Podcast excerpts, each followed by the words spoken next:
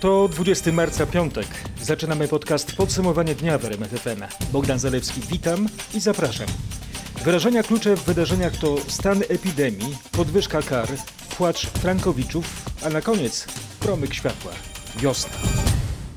Premier ogłosił w piątek wieczorem. Wprowadzamy dzisiaj stan epidemii. Dokładnie tydzień po zamknięciu granic i szeregu innych ograniczeń, zasady działania państwa będą jeszcze bardziej restrykcyjne.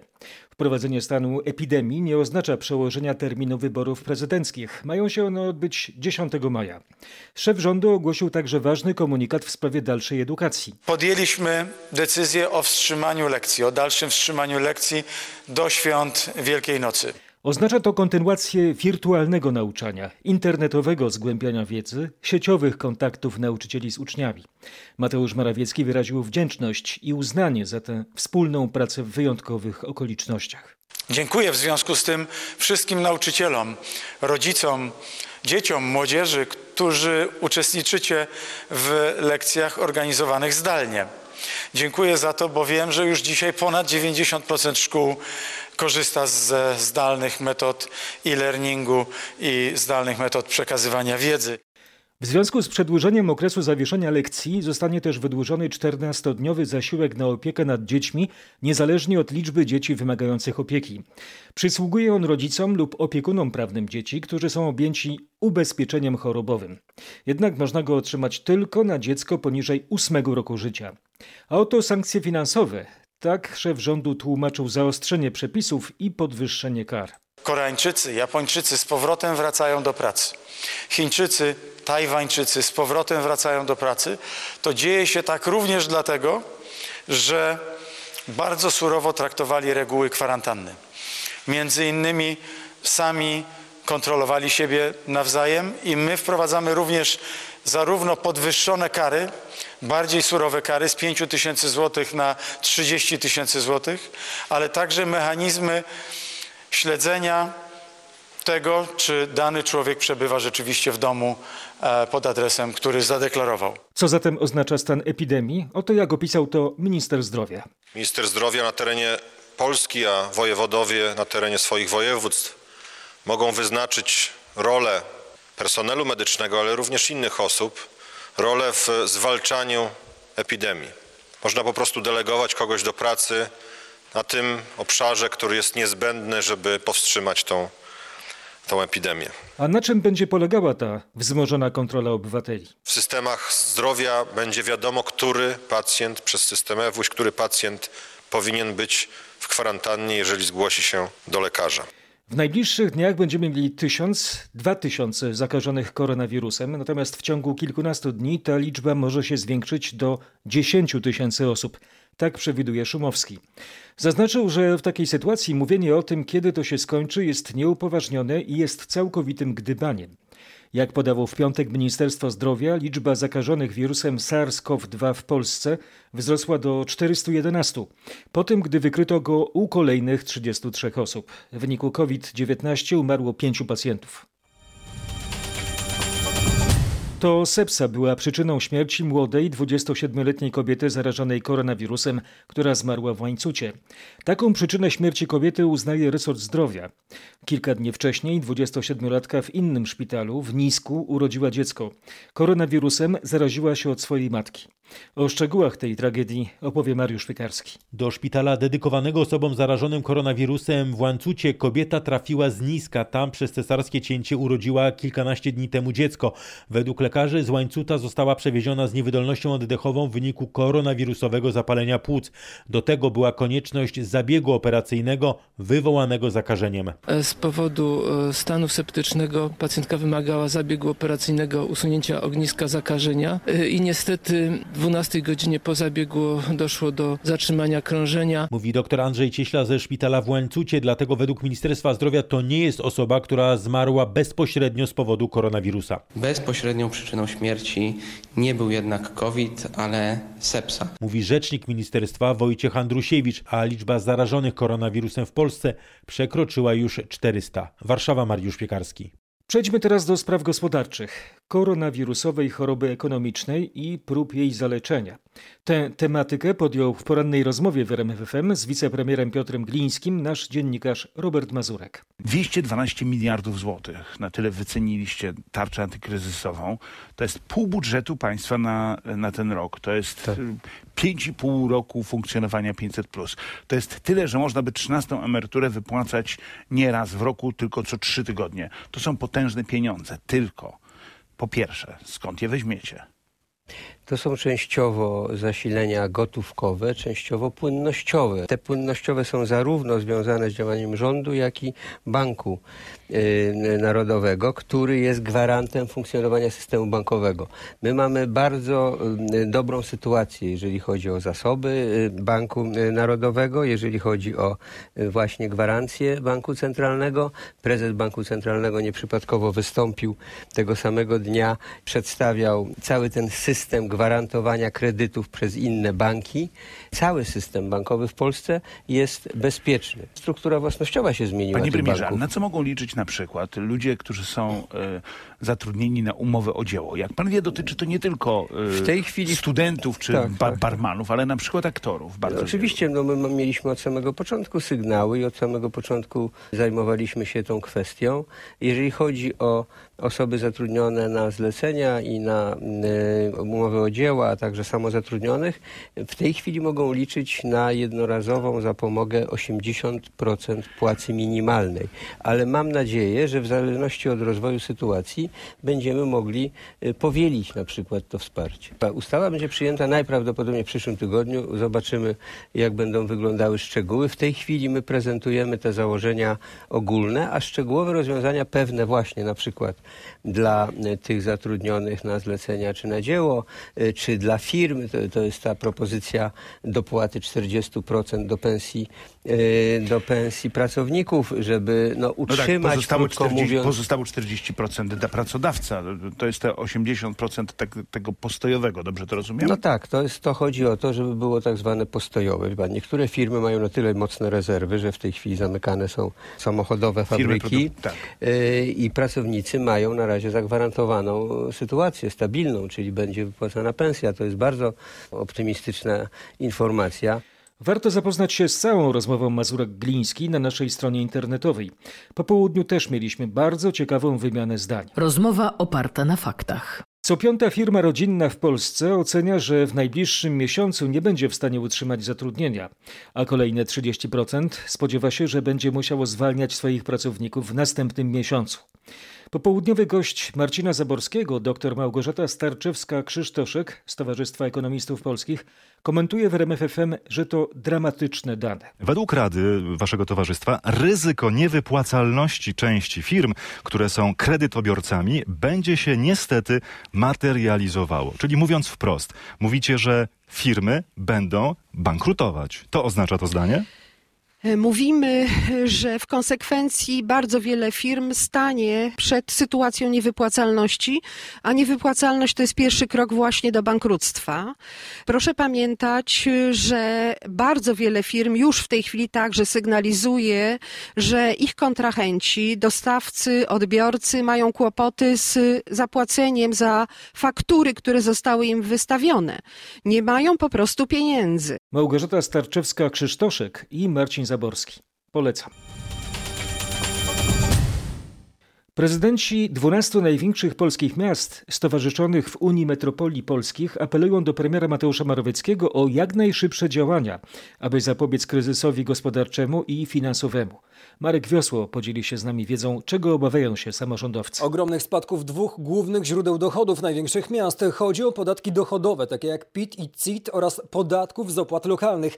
Zdecydowanie mniejsze lub prawie żadne będą wpływy z turystyki. To może zagrozić normalnemu funkcjonowaniu miast, dlatego samorządowcy proszą m.in. o zawieszenie tzw. Tak janosikowego, które bogatsze samorządy muszą wypłacać biedniejszym, czy zmianie ustawy o gospodarowaniu odpadami, mówi Dariusz Nowak z krakowskiego magistratu. Ta Unia wystosowała taki apel do premiera o zrobienie wszystkiego, co możliwe, żeby przeciwdziałać kryzysowi który, gospodarczemu, który no, już się pojawia. 12 największych polskich miast wytwarza ponad 30% polskiego PKB. Część z nich już teraz swoje straty liczy w setkach milionów złotych. Sejm zbierze się na jednodniowym posiedzeniu w przyszły piątek, a nie tak jak planowano w środę i w czwartek. Taka decyzja zapadła na prezydium Sejmu.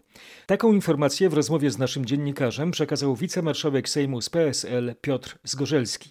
Czy posłowie zbiorą się przy Wiejskiej? Odpowiedzi na to pytanie szukał Patryk Michalski. Propozycja Solidarnej Polski, koalicjanta PiSu dotycząca obrad na Stadionie Narodowym nie została potraktowana poważnie. Nie, nie, nie, nie mm, przewidzieliśmy takiej sytuacji. To reakcja wicemarszałka Sejmu, szefa klubu PiS Ryszarda Terleckiego. Prezydium Sejmu zbierze się ponownie we wtorek. Teraz kluby mają czas, żeby zastanowić się nad tym, jak usprawnić pracę posłów i zagwarantować odpowiednie warunki. Warianty są różne, za wcześnie o nich mówić. No, chodzi o to, aby zapewnić maksymalne bezpieczeństwo. Posłowie zajmą się przede wszystkim rządową specustawą, tak zwaną tarczą antykryzysową, najprawdopodobniej również nowelizacją budżetu i być może zmianą regulaminu Sejmu, po to, żeby ułatwić na przyszłość pracę posłów w sytuacji pandemii. Marszałek Senatu chce, żeby Sejm pochylił się także nad projektem uchwalonym przez senatorów, nowelizacją pierwszej rządowej specustawy.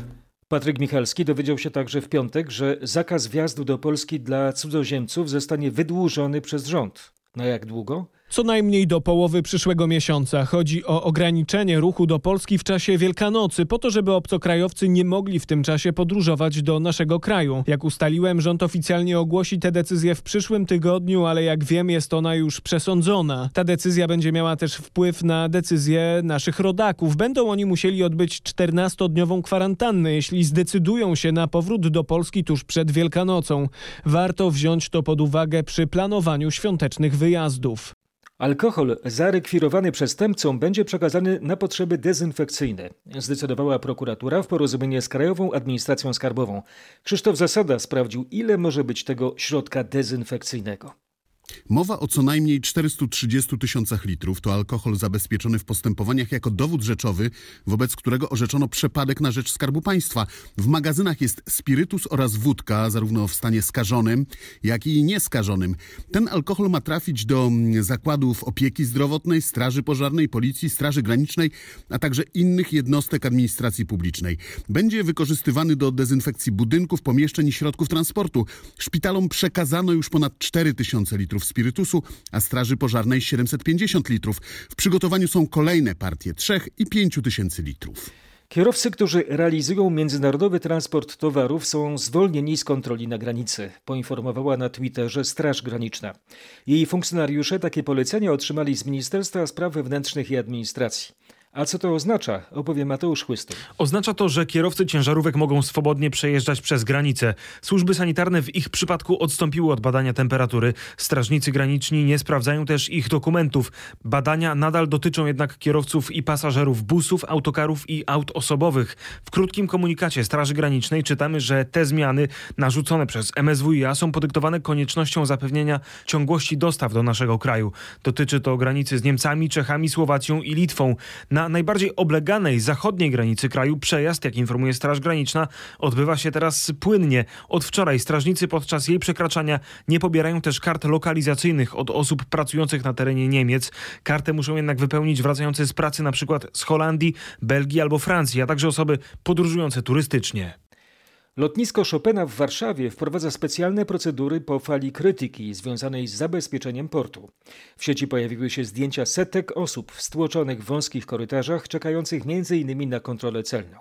To pasażerowie awaryjnych połączeń do kraju, którzy wcześniej utknęli w różnych miejscach na świecie. Paweł Balinowski opisze zmiany. Podłoga lotniska została oklejona specjalnymi oznaczeniami tak organizującymi kolejkę, by ludzie stali w bezpiecznych odstępach od siebie. Instrukcje, jak ta kolejka powinna wyglądać, nadawane są przez lotniskowe głośniki, znajdują się też na tablicach informacyjnych. Przyloty mają być tak zorganizowane, by na lotnisku lądował tylko jeden samolot naraz, mówi mi Piotr Rudzki, rzecznik portu lotniczego aby nie dopuszczać do sytuacji, w której mogłaby się stworzyć kumulacja liczby pasażerów. Dzięki temu tłok ma być mniejszy. Da się to zrobić, bo obecnie lotnisko Chopina przyjmuje tylko awaryjne samoloty sprowadzające Polaków do kraju. To kilka, kilkanaście połączeń dziennie. Te połączenia ma też obsługiwać więcej autobusów lotniskowych, by również w nich ograniczyć kontakt między pasażerami. Polska nie aktywowała jeszcze unijnego mechanizmu ochrony cywilnej, dzięki któremu Polacy, którzy utknęli poza granicami Unii, mogliby za darmo wrócić do ojczyzny. Ustaliła nasza korespondentka w Brukseli Katarzyna Szymańska-Borgino. Każdy kraj Unii może aktywować unijny mechanizm ochrony cywilnej i organizować loty, by dokonać repatriacji. Bruksela temu państwu zwraca 75% kosztów, a pasażerowie nie płacą za bilety. Z takiego rejsu powinni móc skorzystać także obywatele innych krajów Unii. Niemcy organizują obecnie 13 lotów, by repatriować około 3000 unijnych obywateli z Egiptu, Maroka, Filipin, Tunezji i Argentyny. Przygotowywane są także rejsy z Peru, Malediwów, Mongolii i krajów afrykańskich. Także z tych przelotów mogą za darmo korzystać Polacy. O takiej możliwości powinny informować placówki dyplomatyczne. Jestem przekonany, że w najbliższym czasie uda nam się zrealizować loty w ramach unijnego mechanizmu ochrony cywilnej. Odpowiada wiceszef MSZ Marcin Przydacz.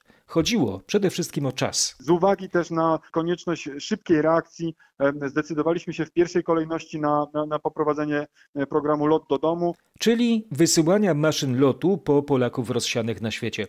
Tak, od niedzieli wróciło już kilkanaście tysięcy osób. Według ministra unijny mechanizm działa dużo wolniej. Niemcy i Austria skorzystały wczoraj. Bo zgodnie z przepisami użycie go wymaga koordynacji z innymi krajami Unii i sprowadzenia ludzi wielu narodowości jednym transportem. Poza tym mechanizm służy tylko do sprowadzania ludzi spoza Unii. 1070 żołnierzy Wojsk Obrony Terytorialnej bierze udział w operacji Odporna Wiosna. Ta akcja polega na dostarczaniu osobom potrzebującym żywności oraz lekarstw. Krzysztof Zasada zna więcej szczegółów. Komu żołnierze pomagają? To kilka grup, a zdecydowano o pomocy w pierwszej kolejności rodzinom personelu medycznego zaangażowanego w walkę z rozprzestrzenianiem się wirusa. Następnie w porozumieniu z izbami pielęgniarskimi pomoc będzie też udzielana pielęgniarkom i lekarzom. Kolejne grupy objęte pomocą w ramach odpornej wiosny to kombatanci, weterani, osoby powyżej 60 roku życia, osoby niepełnosprawne, samotnie wychowujące dzieci oraz ci, którzy przebywają na kwarantannie. Pomoc dla tych osób koordynowana jest przez ośrodki pomocy społecznej. Żołnierze WOD dostarczają paczki we wskazane miejsca. Cenowy szok, który widzimy w sklepach, powinien już wygasać, tak mówią ekonomiści. Alarmujecie o tym na rmf24.pl w naszej akcji Stop podwyżkom. Krzysztof Brenda pytał, kiedy te ceny spadną. To kwestia kilku dni, tak twierdzą ekonomiści, z którymi rozmawiałem. Pod koniec zeszłego tygodnia rzeczywiście w sklepach mieliśmy panikę. Wzrosły ceny drobiu o 60-100%, schabu o 70%. Teraz, gdy ktoś pójdzie do hipermarketu, to raczej zobaczy bardzo mało klientów. Jest więc radykalny spadek zainteresowania. Naprawdę ceny powinny spaść, a nie wzrosnąć poza niektórymi towarami, które są wyjątkowo teraz e, potrzebne. Jak maseczki czy płyny dezynfekujące, tłumaczy główny ekonomista Banku Gospodarstwa Krajowego Mateusz Walewski. Ceny mięsa i warzyw powinny więc wracać do normalności, co innego z produktami importowanymi z zagranicy, na przykład z ryżem. Tu z dostawami może być kłopot, więc i cena zapewne wzrośnie.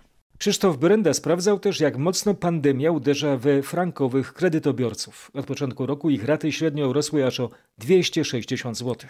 Przygotowaliśmy symulację dla najbardziej typowego kredytu zaciągniętego we frankach w 2008 roku na 300 tysięcy złotych na 30 lat. Jeszcze na początku roku rata takiego kredytu wynosiła średnio 1813 zł w tydzień.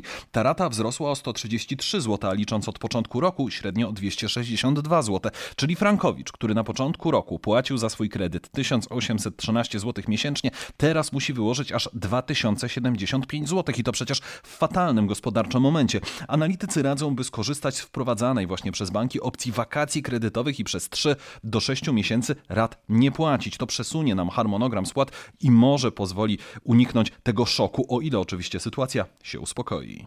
Od północy z piątku na sobotę większość banków zwiększy limity płacenia kartami zbliżeniowymi bez podawania PIN-u. Odpowiednie procedury wprowadzili już operatorzy tych kart, czyli firmy Visa i Mastercard. Krzysztof Brenda poda szczegóły. Teraz zbliżeniowo można zapłacić za zakupy do 50 zł, a jak będzie po zmianach? Ten limit wzrośnie do 100 zł. Po co? No, chodzi o to, żebyśmy robiąc zakupy mieli jak najmniejszy kontakt fizyczny z innymi ludźmi. Wiadomo, że gotówka może przenosić koronawirusa, tak samo ten wirus może osadzać się na bankomatach. Kłopotem są także same płatności zbliżeniowe, bo do tej pory przy zakupach powyżej 50 zł musieliśmy po zbliżeniu karty wstukać fizycznie PIN na terminalu, a na tym terminalu też może być wirus. Stąd podniesienie limitu zakupów bez podawania PIN-u właśnie do 100 zł. Najbezpieczniejszą formą płacenia pozostaje jednak płacenie telefonem, jeżeli mamy tam podpiętą kartę, bo wtedy ewentualny wymagany kod wstukujemy na swoim telefonie. I jeszcze jedna bardzo ważna informacja, którą w piątek przekazał Krzysztof Berenda. Poczta Polska wprowadza przesyłki bez pokwitowania. Chodzi o bezpieczeństwo pracowników oddziałów, listonoszy i klientów. Jak to wygląda w praktyce? Także jeżeli przyjdzie do nas listonosz, to my tylko wyciągniemy swój dowód osobisty, prawo jazdy albo paszport, pokażemy ten dokument na odległość, listonosz popatrzy na dane, w miejscu gdzie do tej pory składaliśmy na jego dokumentach podpis, listonosz sam zapisze cztery ostatnie cyfry numeru naszego dokumentu i gotowe, wydaje nam przesyłkę. Tak samo ma to działać w oddziałach. Chodzi o to, żeby listonosz każdemu adresatowi nie musiał dawać długopisu do podpisania się, bo potem ten długopis dostanie jeszcze kilkaset innych osób, no i jeżeli któraś będzie chora, to wszyscy się zarażą. E, kolejna pocztowa zmiana dotyczy kontaktu z kurierem. Każdy klient dostanie numer do dostawcy, żeby uzgodnić najbezpieczniejszy sposób odbioru. Czas na najświeższe fakty o koronawirusie. Śmiertelność choroby COVID-19 w samym epicentrum pandemii, czyli w chińskim mieście Wuhan, była niższa niż początkowo szacowano 1,4%, twierdzi grupa naukowców z Hongkongu i Bostonu. Na czym opierają swoje obliczenia? O tym Grzegorz Jasiński. Zdaniem autorów pracy dotychczasowe szacunki były nieprecyzyjne, bo przepełniona służba zdrowia nie była w stanie zarejestrować wszystkich przypadków zakażeń, także tych, które przebiegały łagodniej. Po swojej analizie dostępnych danych twierdzą, że rzeczywista śmiertelność była trzy razy niższa od tej liczonej w oparciu o oficjalnie zarejestrowane infekcje. Szacują przy okazji, że ryzyko śmierci u osób w wieku ponad 60 lat okazuje się pięć razy większe niż przeciętnie w grupie od 30 do 59 lat. Ryzyko rozwinięcia się u osób zakażonych objawów o średnim lub poważnym nasileniu rośnie w przedziale wiekowym od 30 do 60 lat mniej więcej o 4% na rok. Przeczytajcie więcej na ten temat na naszej stronie. Grzegorz jak zwykle potrafi zaciekawić tematem. Do 4032 wzrosła we Włoszech liczba zmarłych zakażonych koronawirusem, ogłosiła w piątek obrona cywilna. W ciągu doby zanotowano następnych 627 zgonów. W całym kraju wirusa ma obecnie ponad 37 tysięcy osób. Liczba zakażonych wzrosła od czwartku o 4670. Posłuchajcie teraz wywiadu naszego dziennikarza Krzysztofa Kota z Patrycją Szwed. Z pochodzenia lublinianka od kilku lat mieszka w Mediolanie.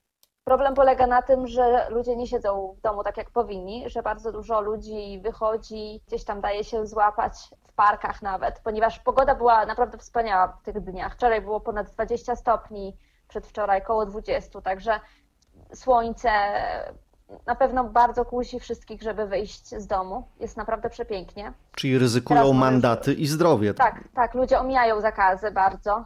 Dużą kreatywnością się wykazują i tutaj już nawet nie wiem, które newsy są z Włoch, które z Hiszpanii, bo to chyba podobne narody pod tym względem, żeby jakoś omijać zakazy i wychodzić na piękne słońce, gdzieś tam w parkach biegać. No są groźby, że będzie zakaz aktywności fizycznej na dworze, bo ludzie się po prostu nie stosują. W rejonie trydenckim zamknięto ścieżki rowerowe i rozebrano ławki w parkach, żeby ludzie nie mogli siadać. Mogę sobie wyobrazić, że jeżeli taka pogoda by się utrzymała, to ludzie nie mieliby problemów z siadaniem na trawie, bo słyszałam już o ludziach, którzy sobie przynieśli do parku jakieś krzesełka i zrobili piknik.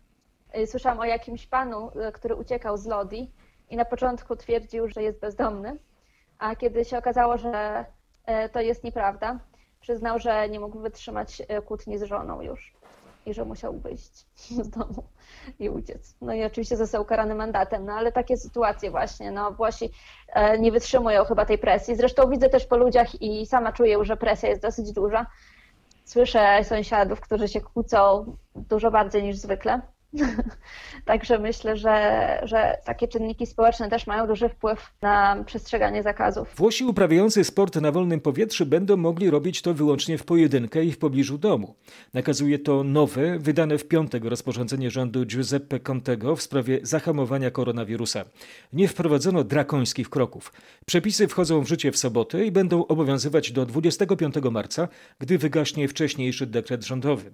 Wprowadzający restrykcje w poruszaniu się oraz nakazujący zamknięcie barów i sklepów innych niż spożywcze i supermarkety.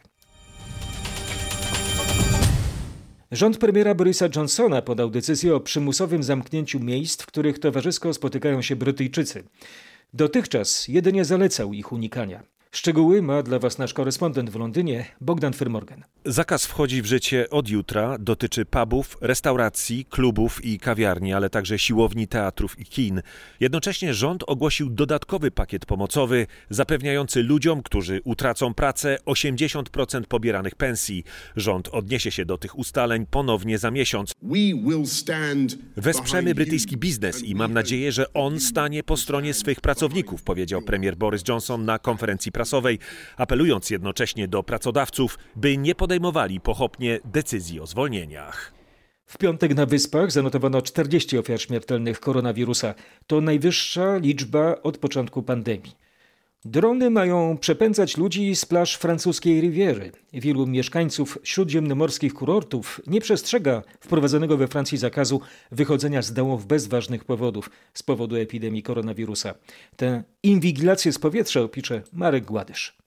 Drony wyposażone zostaną w kamery i głośniki. Kiedy wytropią one osoby przebywające na plażach, z głośników wysłuchać będzie wydawany im rozkaz natychmiastowego powrotu do domów. W razie braku reakcji wysyłane będą helikoptery żandarmerii. Każdemu z plażowiczów grozić będzie grzywna w wysokości co najmniej 135 euro. Władze Nicei i innych znanych kurortów chcą w ten sposób uświadomić mieszkańcom, że mimo wiosennej pogody zakaz wychodzenia z domów bez ważnych powodów nie zostanie złagodzony. Nasi południowi sąsiedzi bardzo solidnie przygotowują się do opanowania epidemii epidemii koronawirusa.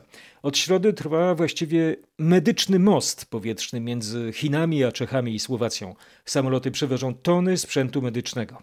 Raport Macieja Pałachickiego. Pierwszy samolot z Chin wylądował w czeskiej Pradze w środę wieczorem. Przywiózł milion sto tysięcy maseczek chirurgicznych i 150 tysięcy szybkich testów na koronawirusa. Kolejne samoloty są już w powietrzu albo w drodze do Chin. Czesi wynajęli nawet od Ukrainy największy samolot transportowy świata, Rusłan, na którego pokładzie przyleci 100 ton najbardziej potrzebnych materiałów medycznych. Wczoraj także pierwszy samolot wylądował na Słowacji. Przywiózł milion masek dla personelu medycznego i 100 tysięcy testów na wirusa. Kolejne samoloty przywiozą m.in. respiratory z Turcji. Przez najbliższe półtora miesiąca u naszych południowych sąsiadów co najmniej trzy razy w tygodniu będą lądowały samoloty ze sprzętem medycznym. Fakty o koronawirusie na świecie. Polska zareagowała na pandemię szybciej niż Niderlandy, mówi w rozmowie z RMFFM napastnik Piasta Gliwice Piotr Parzyszek. Jego żona urodziła się w Holandii. Zawodnik jest w stałym kontakcie z rodziną. W Holandii w piątek dopiero zamknęli szkoły. Mieli dyskusję, władze chcieli, żeby szkoły były otwarte, bo nie wiedzieli, co rodzice będą robili, jak y, dzieci będą siedzieli w domu, a oni muszą iść do pracy. Ale nie myśleli o zdrowiu dzieci, tylko żeby było lepiej dla, dla, dla rodziców, żeby szkoły były otwarte. W Holandii już jest ponad 1500 ludzi zarażonych. Powiem szczerze mówiąc, że w Polsce w odpowiednim momencie zadziałali i zamknęli kraj, mi się wydaje. Mówił Piotr Parzyszek. Natomiast w Niemczech na kwarantannie przebywa Krzysztof Piątek wraz z rodziną. W Hercie Berlin również wykryto koronawirusa. Rodzina Piątków w jednym z hoteli czeka na wyniki testów, o czym poinformowała Paulina Piątek w mediach społecznościowych. Kilkanaście grzywien w wysokości 5 tysięcy złotych nałożyli w całej Polsce inspektorzy sanitarni na osoby nieprzestrzegające zasad kwarantanny. Na szczęście reguły izolacji łamie dotąd niespełna procent wszystkich skierowanych na kwarantannę. Krzysztof Zasada ustalił, jakie są prawne podstawy kar. Przede wszystkim kodeks wykroczeń. Poza tym policja wobec osób w drastyczny sposób łamiących zasady izolacji może stosować środki przymusu bezpośredniego.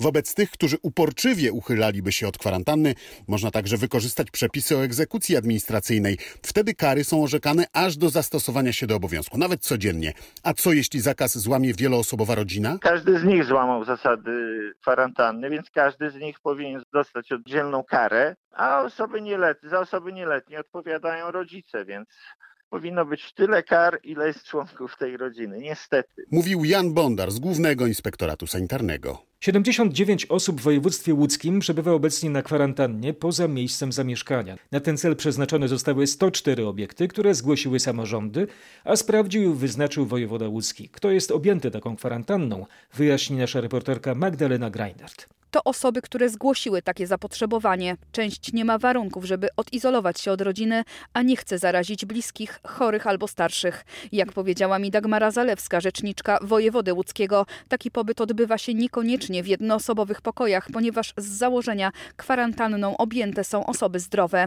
W takim razie jakim zapewnić bezpieczeństwo? Trzeba wtedy zapewnić te warunki dezynfekcji, dezynfekować. No, to jest bardzo ważne, żeby higienę taką w tym zakresie sanitarnym utrzymać. Mówił Zbigniew Solarz, rzecznik prasowy Wojewódzkiej Stacji Sanitarno-Epidemiologicznej w Łodzi. Jeśli rodzina osoby w kwarantannie nie jest w stanie zapewnić jej wyżywienia, Sanepid zgłasza taką konieczność do MOPS-u. Ośrodek przygotowuje paczki z prowiantem z reguły na dwa dni i takie paczki są dostarczane. Pandemia. Reporterzy RMFFM interweniują. Jeleniogórski Sanepid prosi o kontakt pasażerów autobusu PKS, którzy od 9 do 13 marca podróżowali na trasie Jelenia Góra Szklarska Poręba.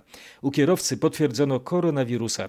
Mateusz Czmiel poda, o jakie kursy dokładnie chodzi. Chodzi o wszystkie popołudniowe kursy wykonywane przez PKS od poniedziałku 9 marca do piątku 13 marca na trasie Jelenia Góra Szklarska Poręba i odwrotnie. Wszystkie te kursy wykonywał kierowca, u którego potwierdzono obecność koronawirusa. Mężczyzna 13 marca poczuł się źle i poszedł na urlop. Kilka dni później został zabrany przez pogotowie do szpitala w Bolesławcu.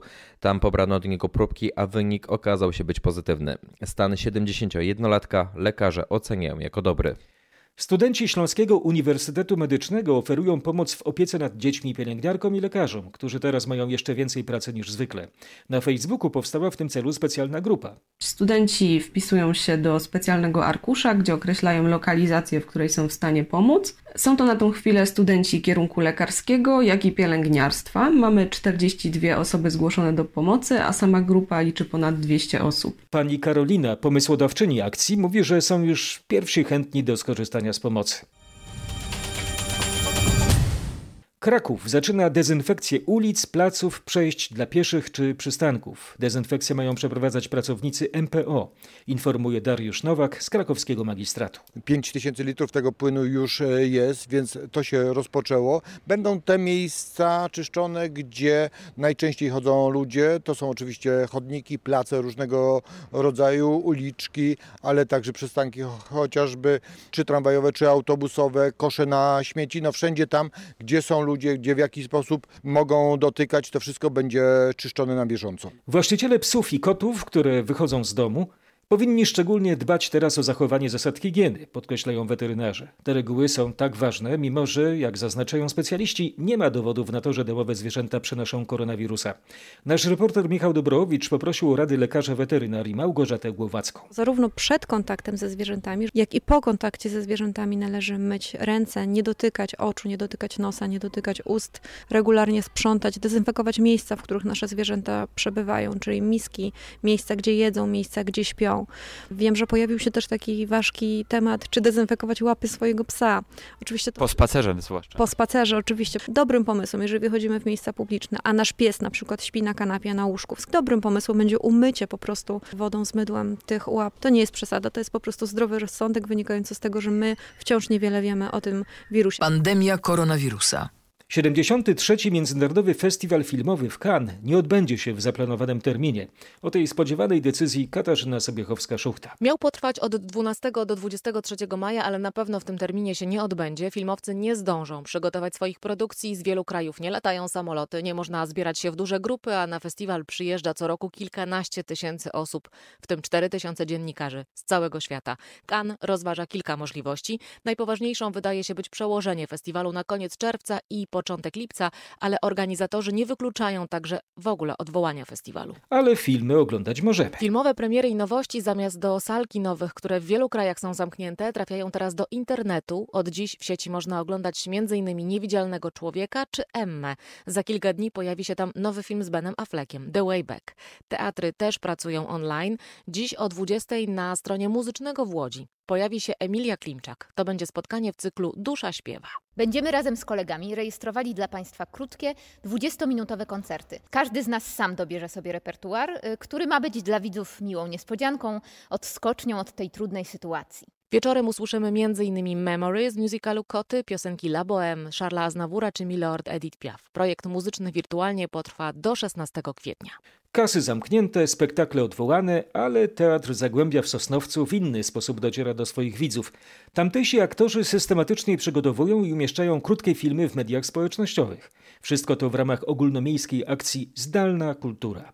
Marcin Buczek sprawdził, co konkretnie proponują sosnowieccy aktorzy. Jest y, oczywiście czytanie bajek y, dla dzieci, ale aktorzy zdradzają też y, na przykład jak i co ćwiczyć, by dbać o poprawną wymowę. A potem mówimy ping, pong, ping, pong, ping. Są w teatrze miejsca, do których zwykle widz nie ma dostępu. Za to teraz, nie wychodząc z domu, razem z aktorami można na przykład zajrzeć za teatralne kulisy, spędzić kilka minut w aktorskiej garderobie albo prawie dotknąć teatralnych rekwizytów. Hej, hej, hej, hej, co tam się dzieje? Dlaczego ten smok tak się rusza? Widzicie, jak on się strasznie rusza? Chyba ktoś za bardzo mu coś tam... Teatr bardzo informuje także, że pracuje nad udostępnieniem online dwóch spektakli. Wielu katolików zadaje sobie pytanie, co z wielkanocną spowiedzią i komunią. Węgierski episkopat ogłosił, że w związku z sytuacją z koronawirusem kapłani będą udzielali rozgrzeszenia ogólnego. W Polsce nie ma jeszcze żadnych rekomendacji. Ksiądz Adam Jaszcz, rzecznik prasowy lubelskiej kurii, radzi na razie zachować spokój. Na pewno są osoby, które mogą wcześniej skorzystać z tego sakramentu i do tego serdecznie zachęcam. Jakie decyzje podejmą księża biskupi, tego nie wiem. Myślę, że w najbliższym czasie taka dyskusja zostanie podjęta. Też obserwujemy rozwój zdarzeń, rozwój sytuacji. Jednocześnie ksiądz Jaszcz przypomina, że na spowiedź i komunię wielkanocną jest czas do niedzieli Trójcy Świętej, która przypada 7 czerwca. W piątek 20 marca mieliśmy pierwszy dzień astronomicznej wiosny, w sobotę pierwszy dzień wiosny kalendarzowej. Pogoda jednak nic sobie z tego nie robi i na Podhalu będziemy mieć prawdziwą zimę, mówi szef Zakopiańskiego Instytutu Meteorologii i Gospodarki Wodnej Paweł Parzuchowski. Wygląda na to, że pogoda zrobi nam taki mały żart i odwróci kolejność pół roku. A jeszcze wczoraj w Zakopanem mieliśmy ponad 16 stopni, powyżej zera, natomiast jutro temperatura ledwo ma przekraczać zero. Pojawiają się opady śniegu, które w Zakopanem mogą e, utworzyć kilkucentymetrową pokrywę śnieżną, natomiast wysoko w Tatrach tego śniegu może spaść co najmniej kilkanaście centymetrów. E, Warto zwrócić uwagę na noc, sobotę na niedzielę. Wtedy to temperatura na Podhalu może spaść do około minus 10 stopni, natomiast wysoko w Tatrach nawet e, temperatura może spaść poniżej minus 15. Brakowało nam takiej prawdziwej zimy zimą, więc może wiosną ją zobaczymy. Przyplątał mi się na koniec wierszyk Konstantego Ildefonsa Gałczyńskiego. Aktualnie jeszcze zima. Jakże nie lubimy zim. Nasze zmysły w karbach trzyma i rozkwitnąć nie da im. Czemu dni wesołe nie są? Czemu z oka płynie łza? Cierpliwości, baronesso. Jeszcze miesiąc, jeszcze dwa. Dużo, dużo, dużo zdrowia wam życzę. Bogdan Zalewski.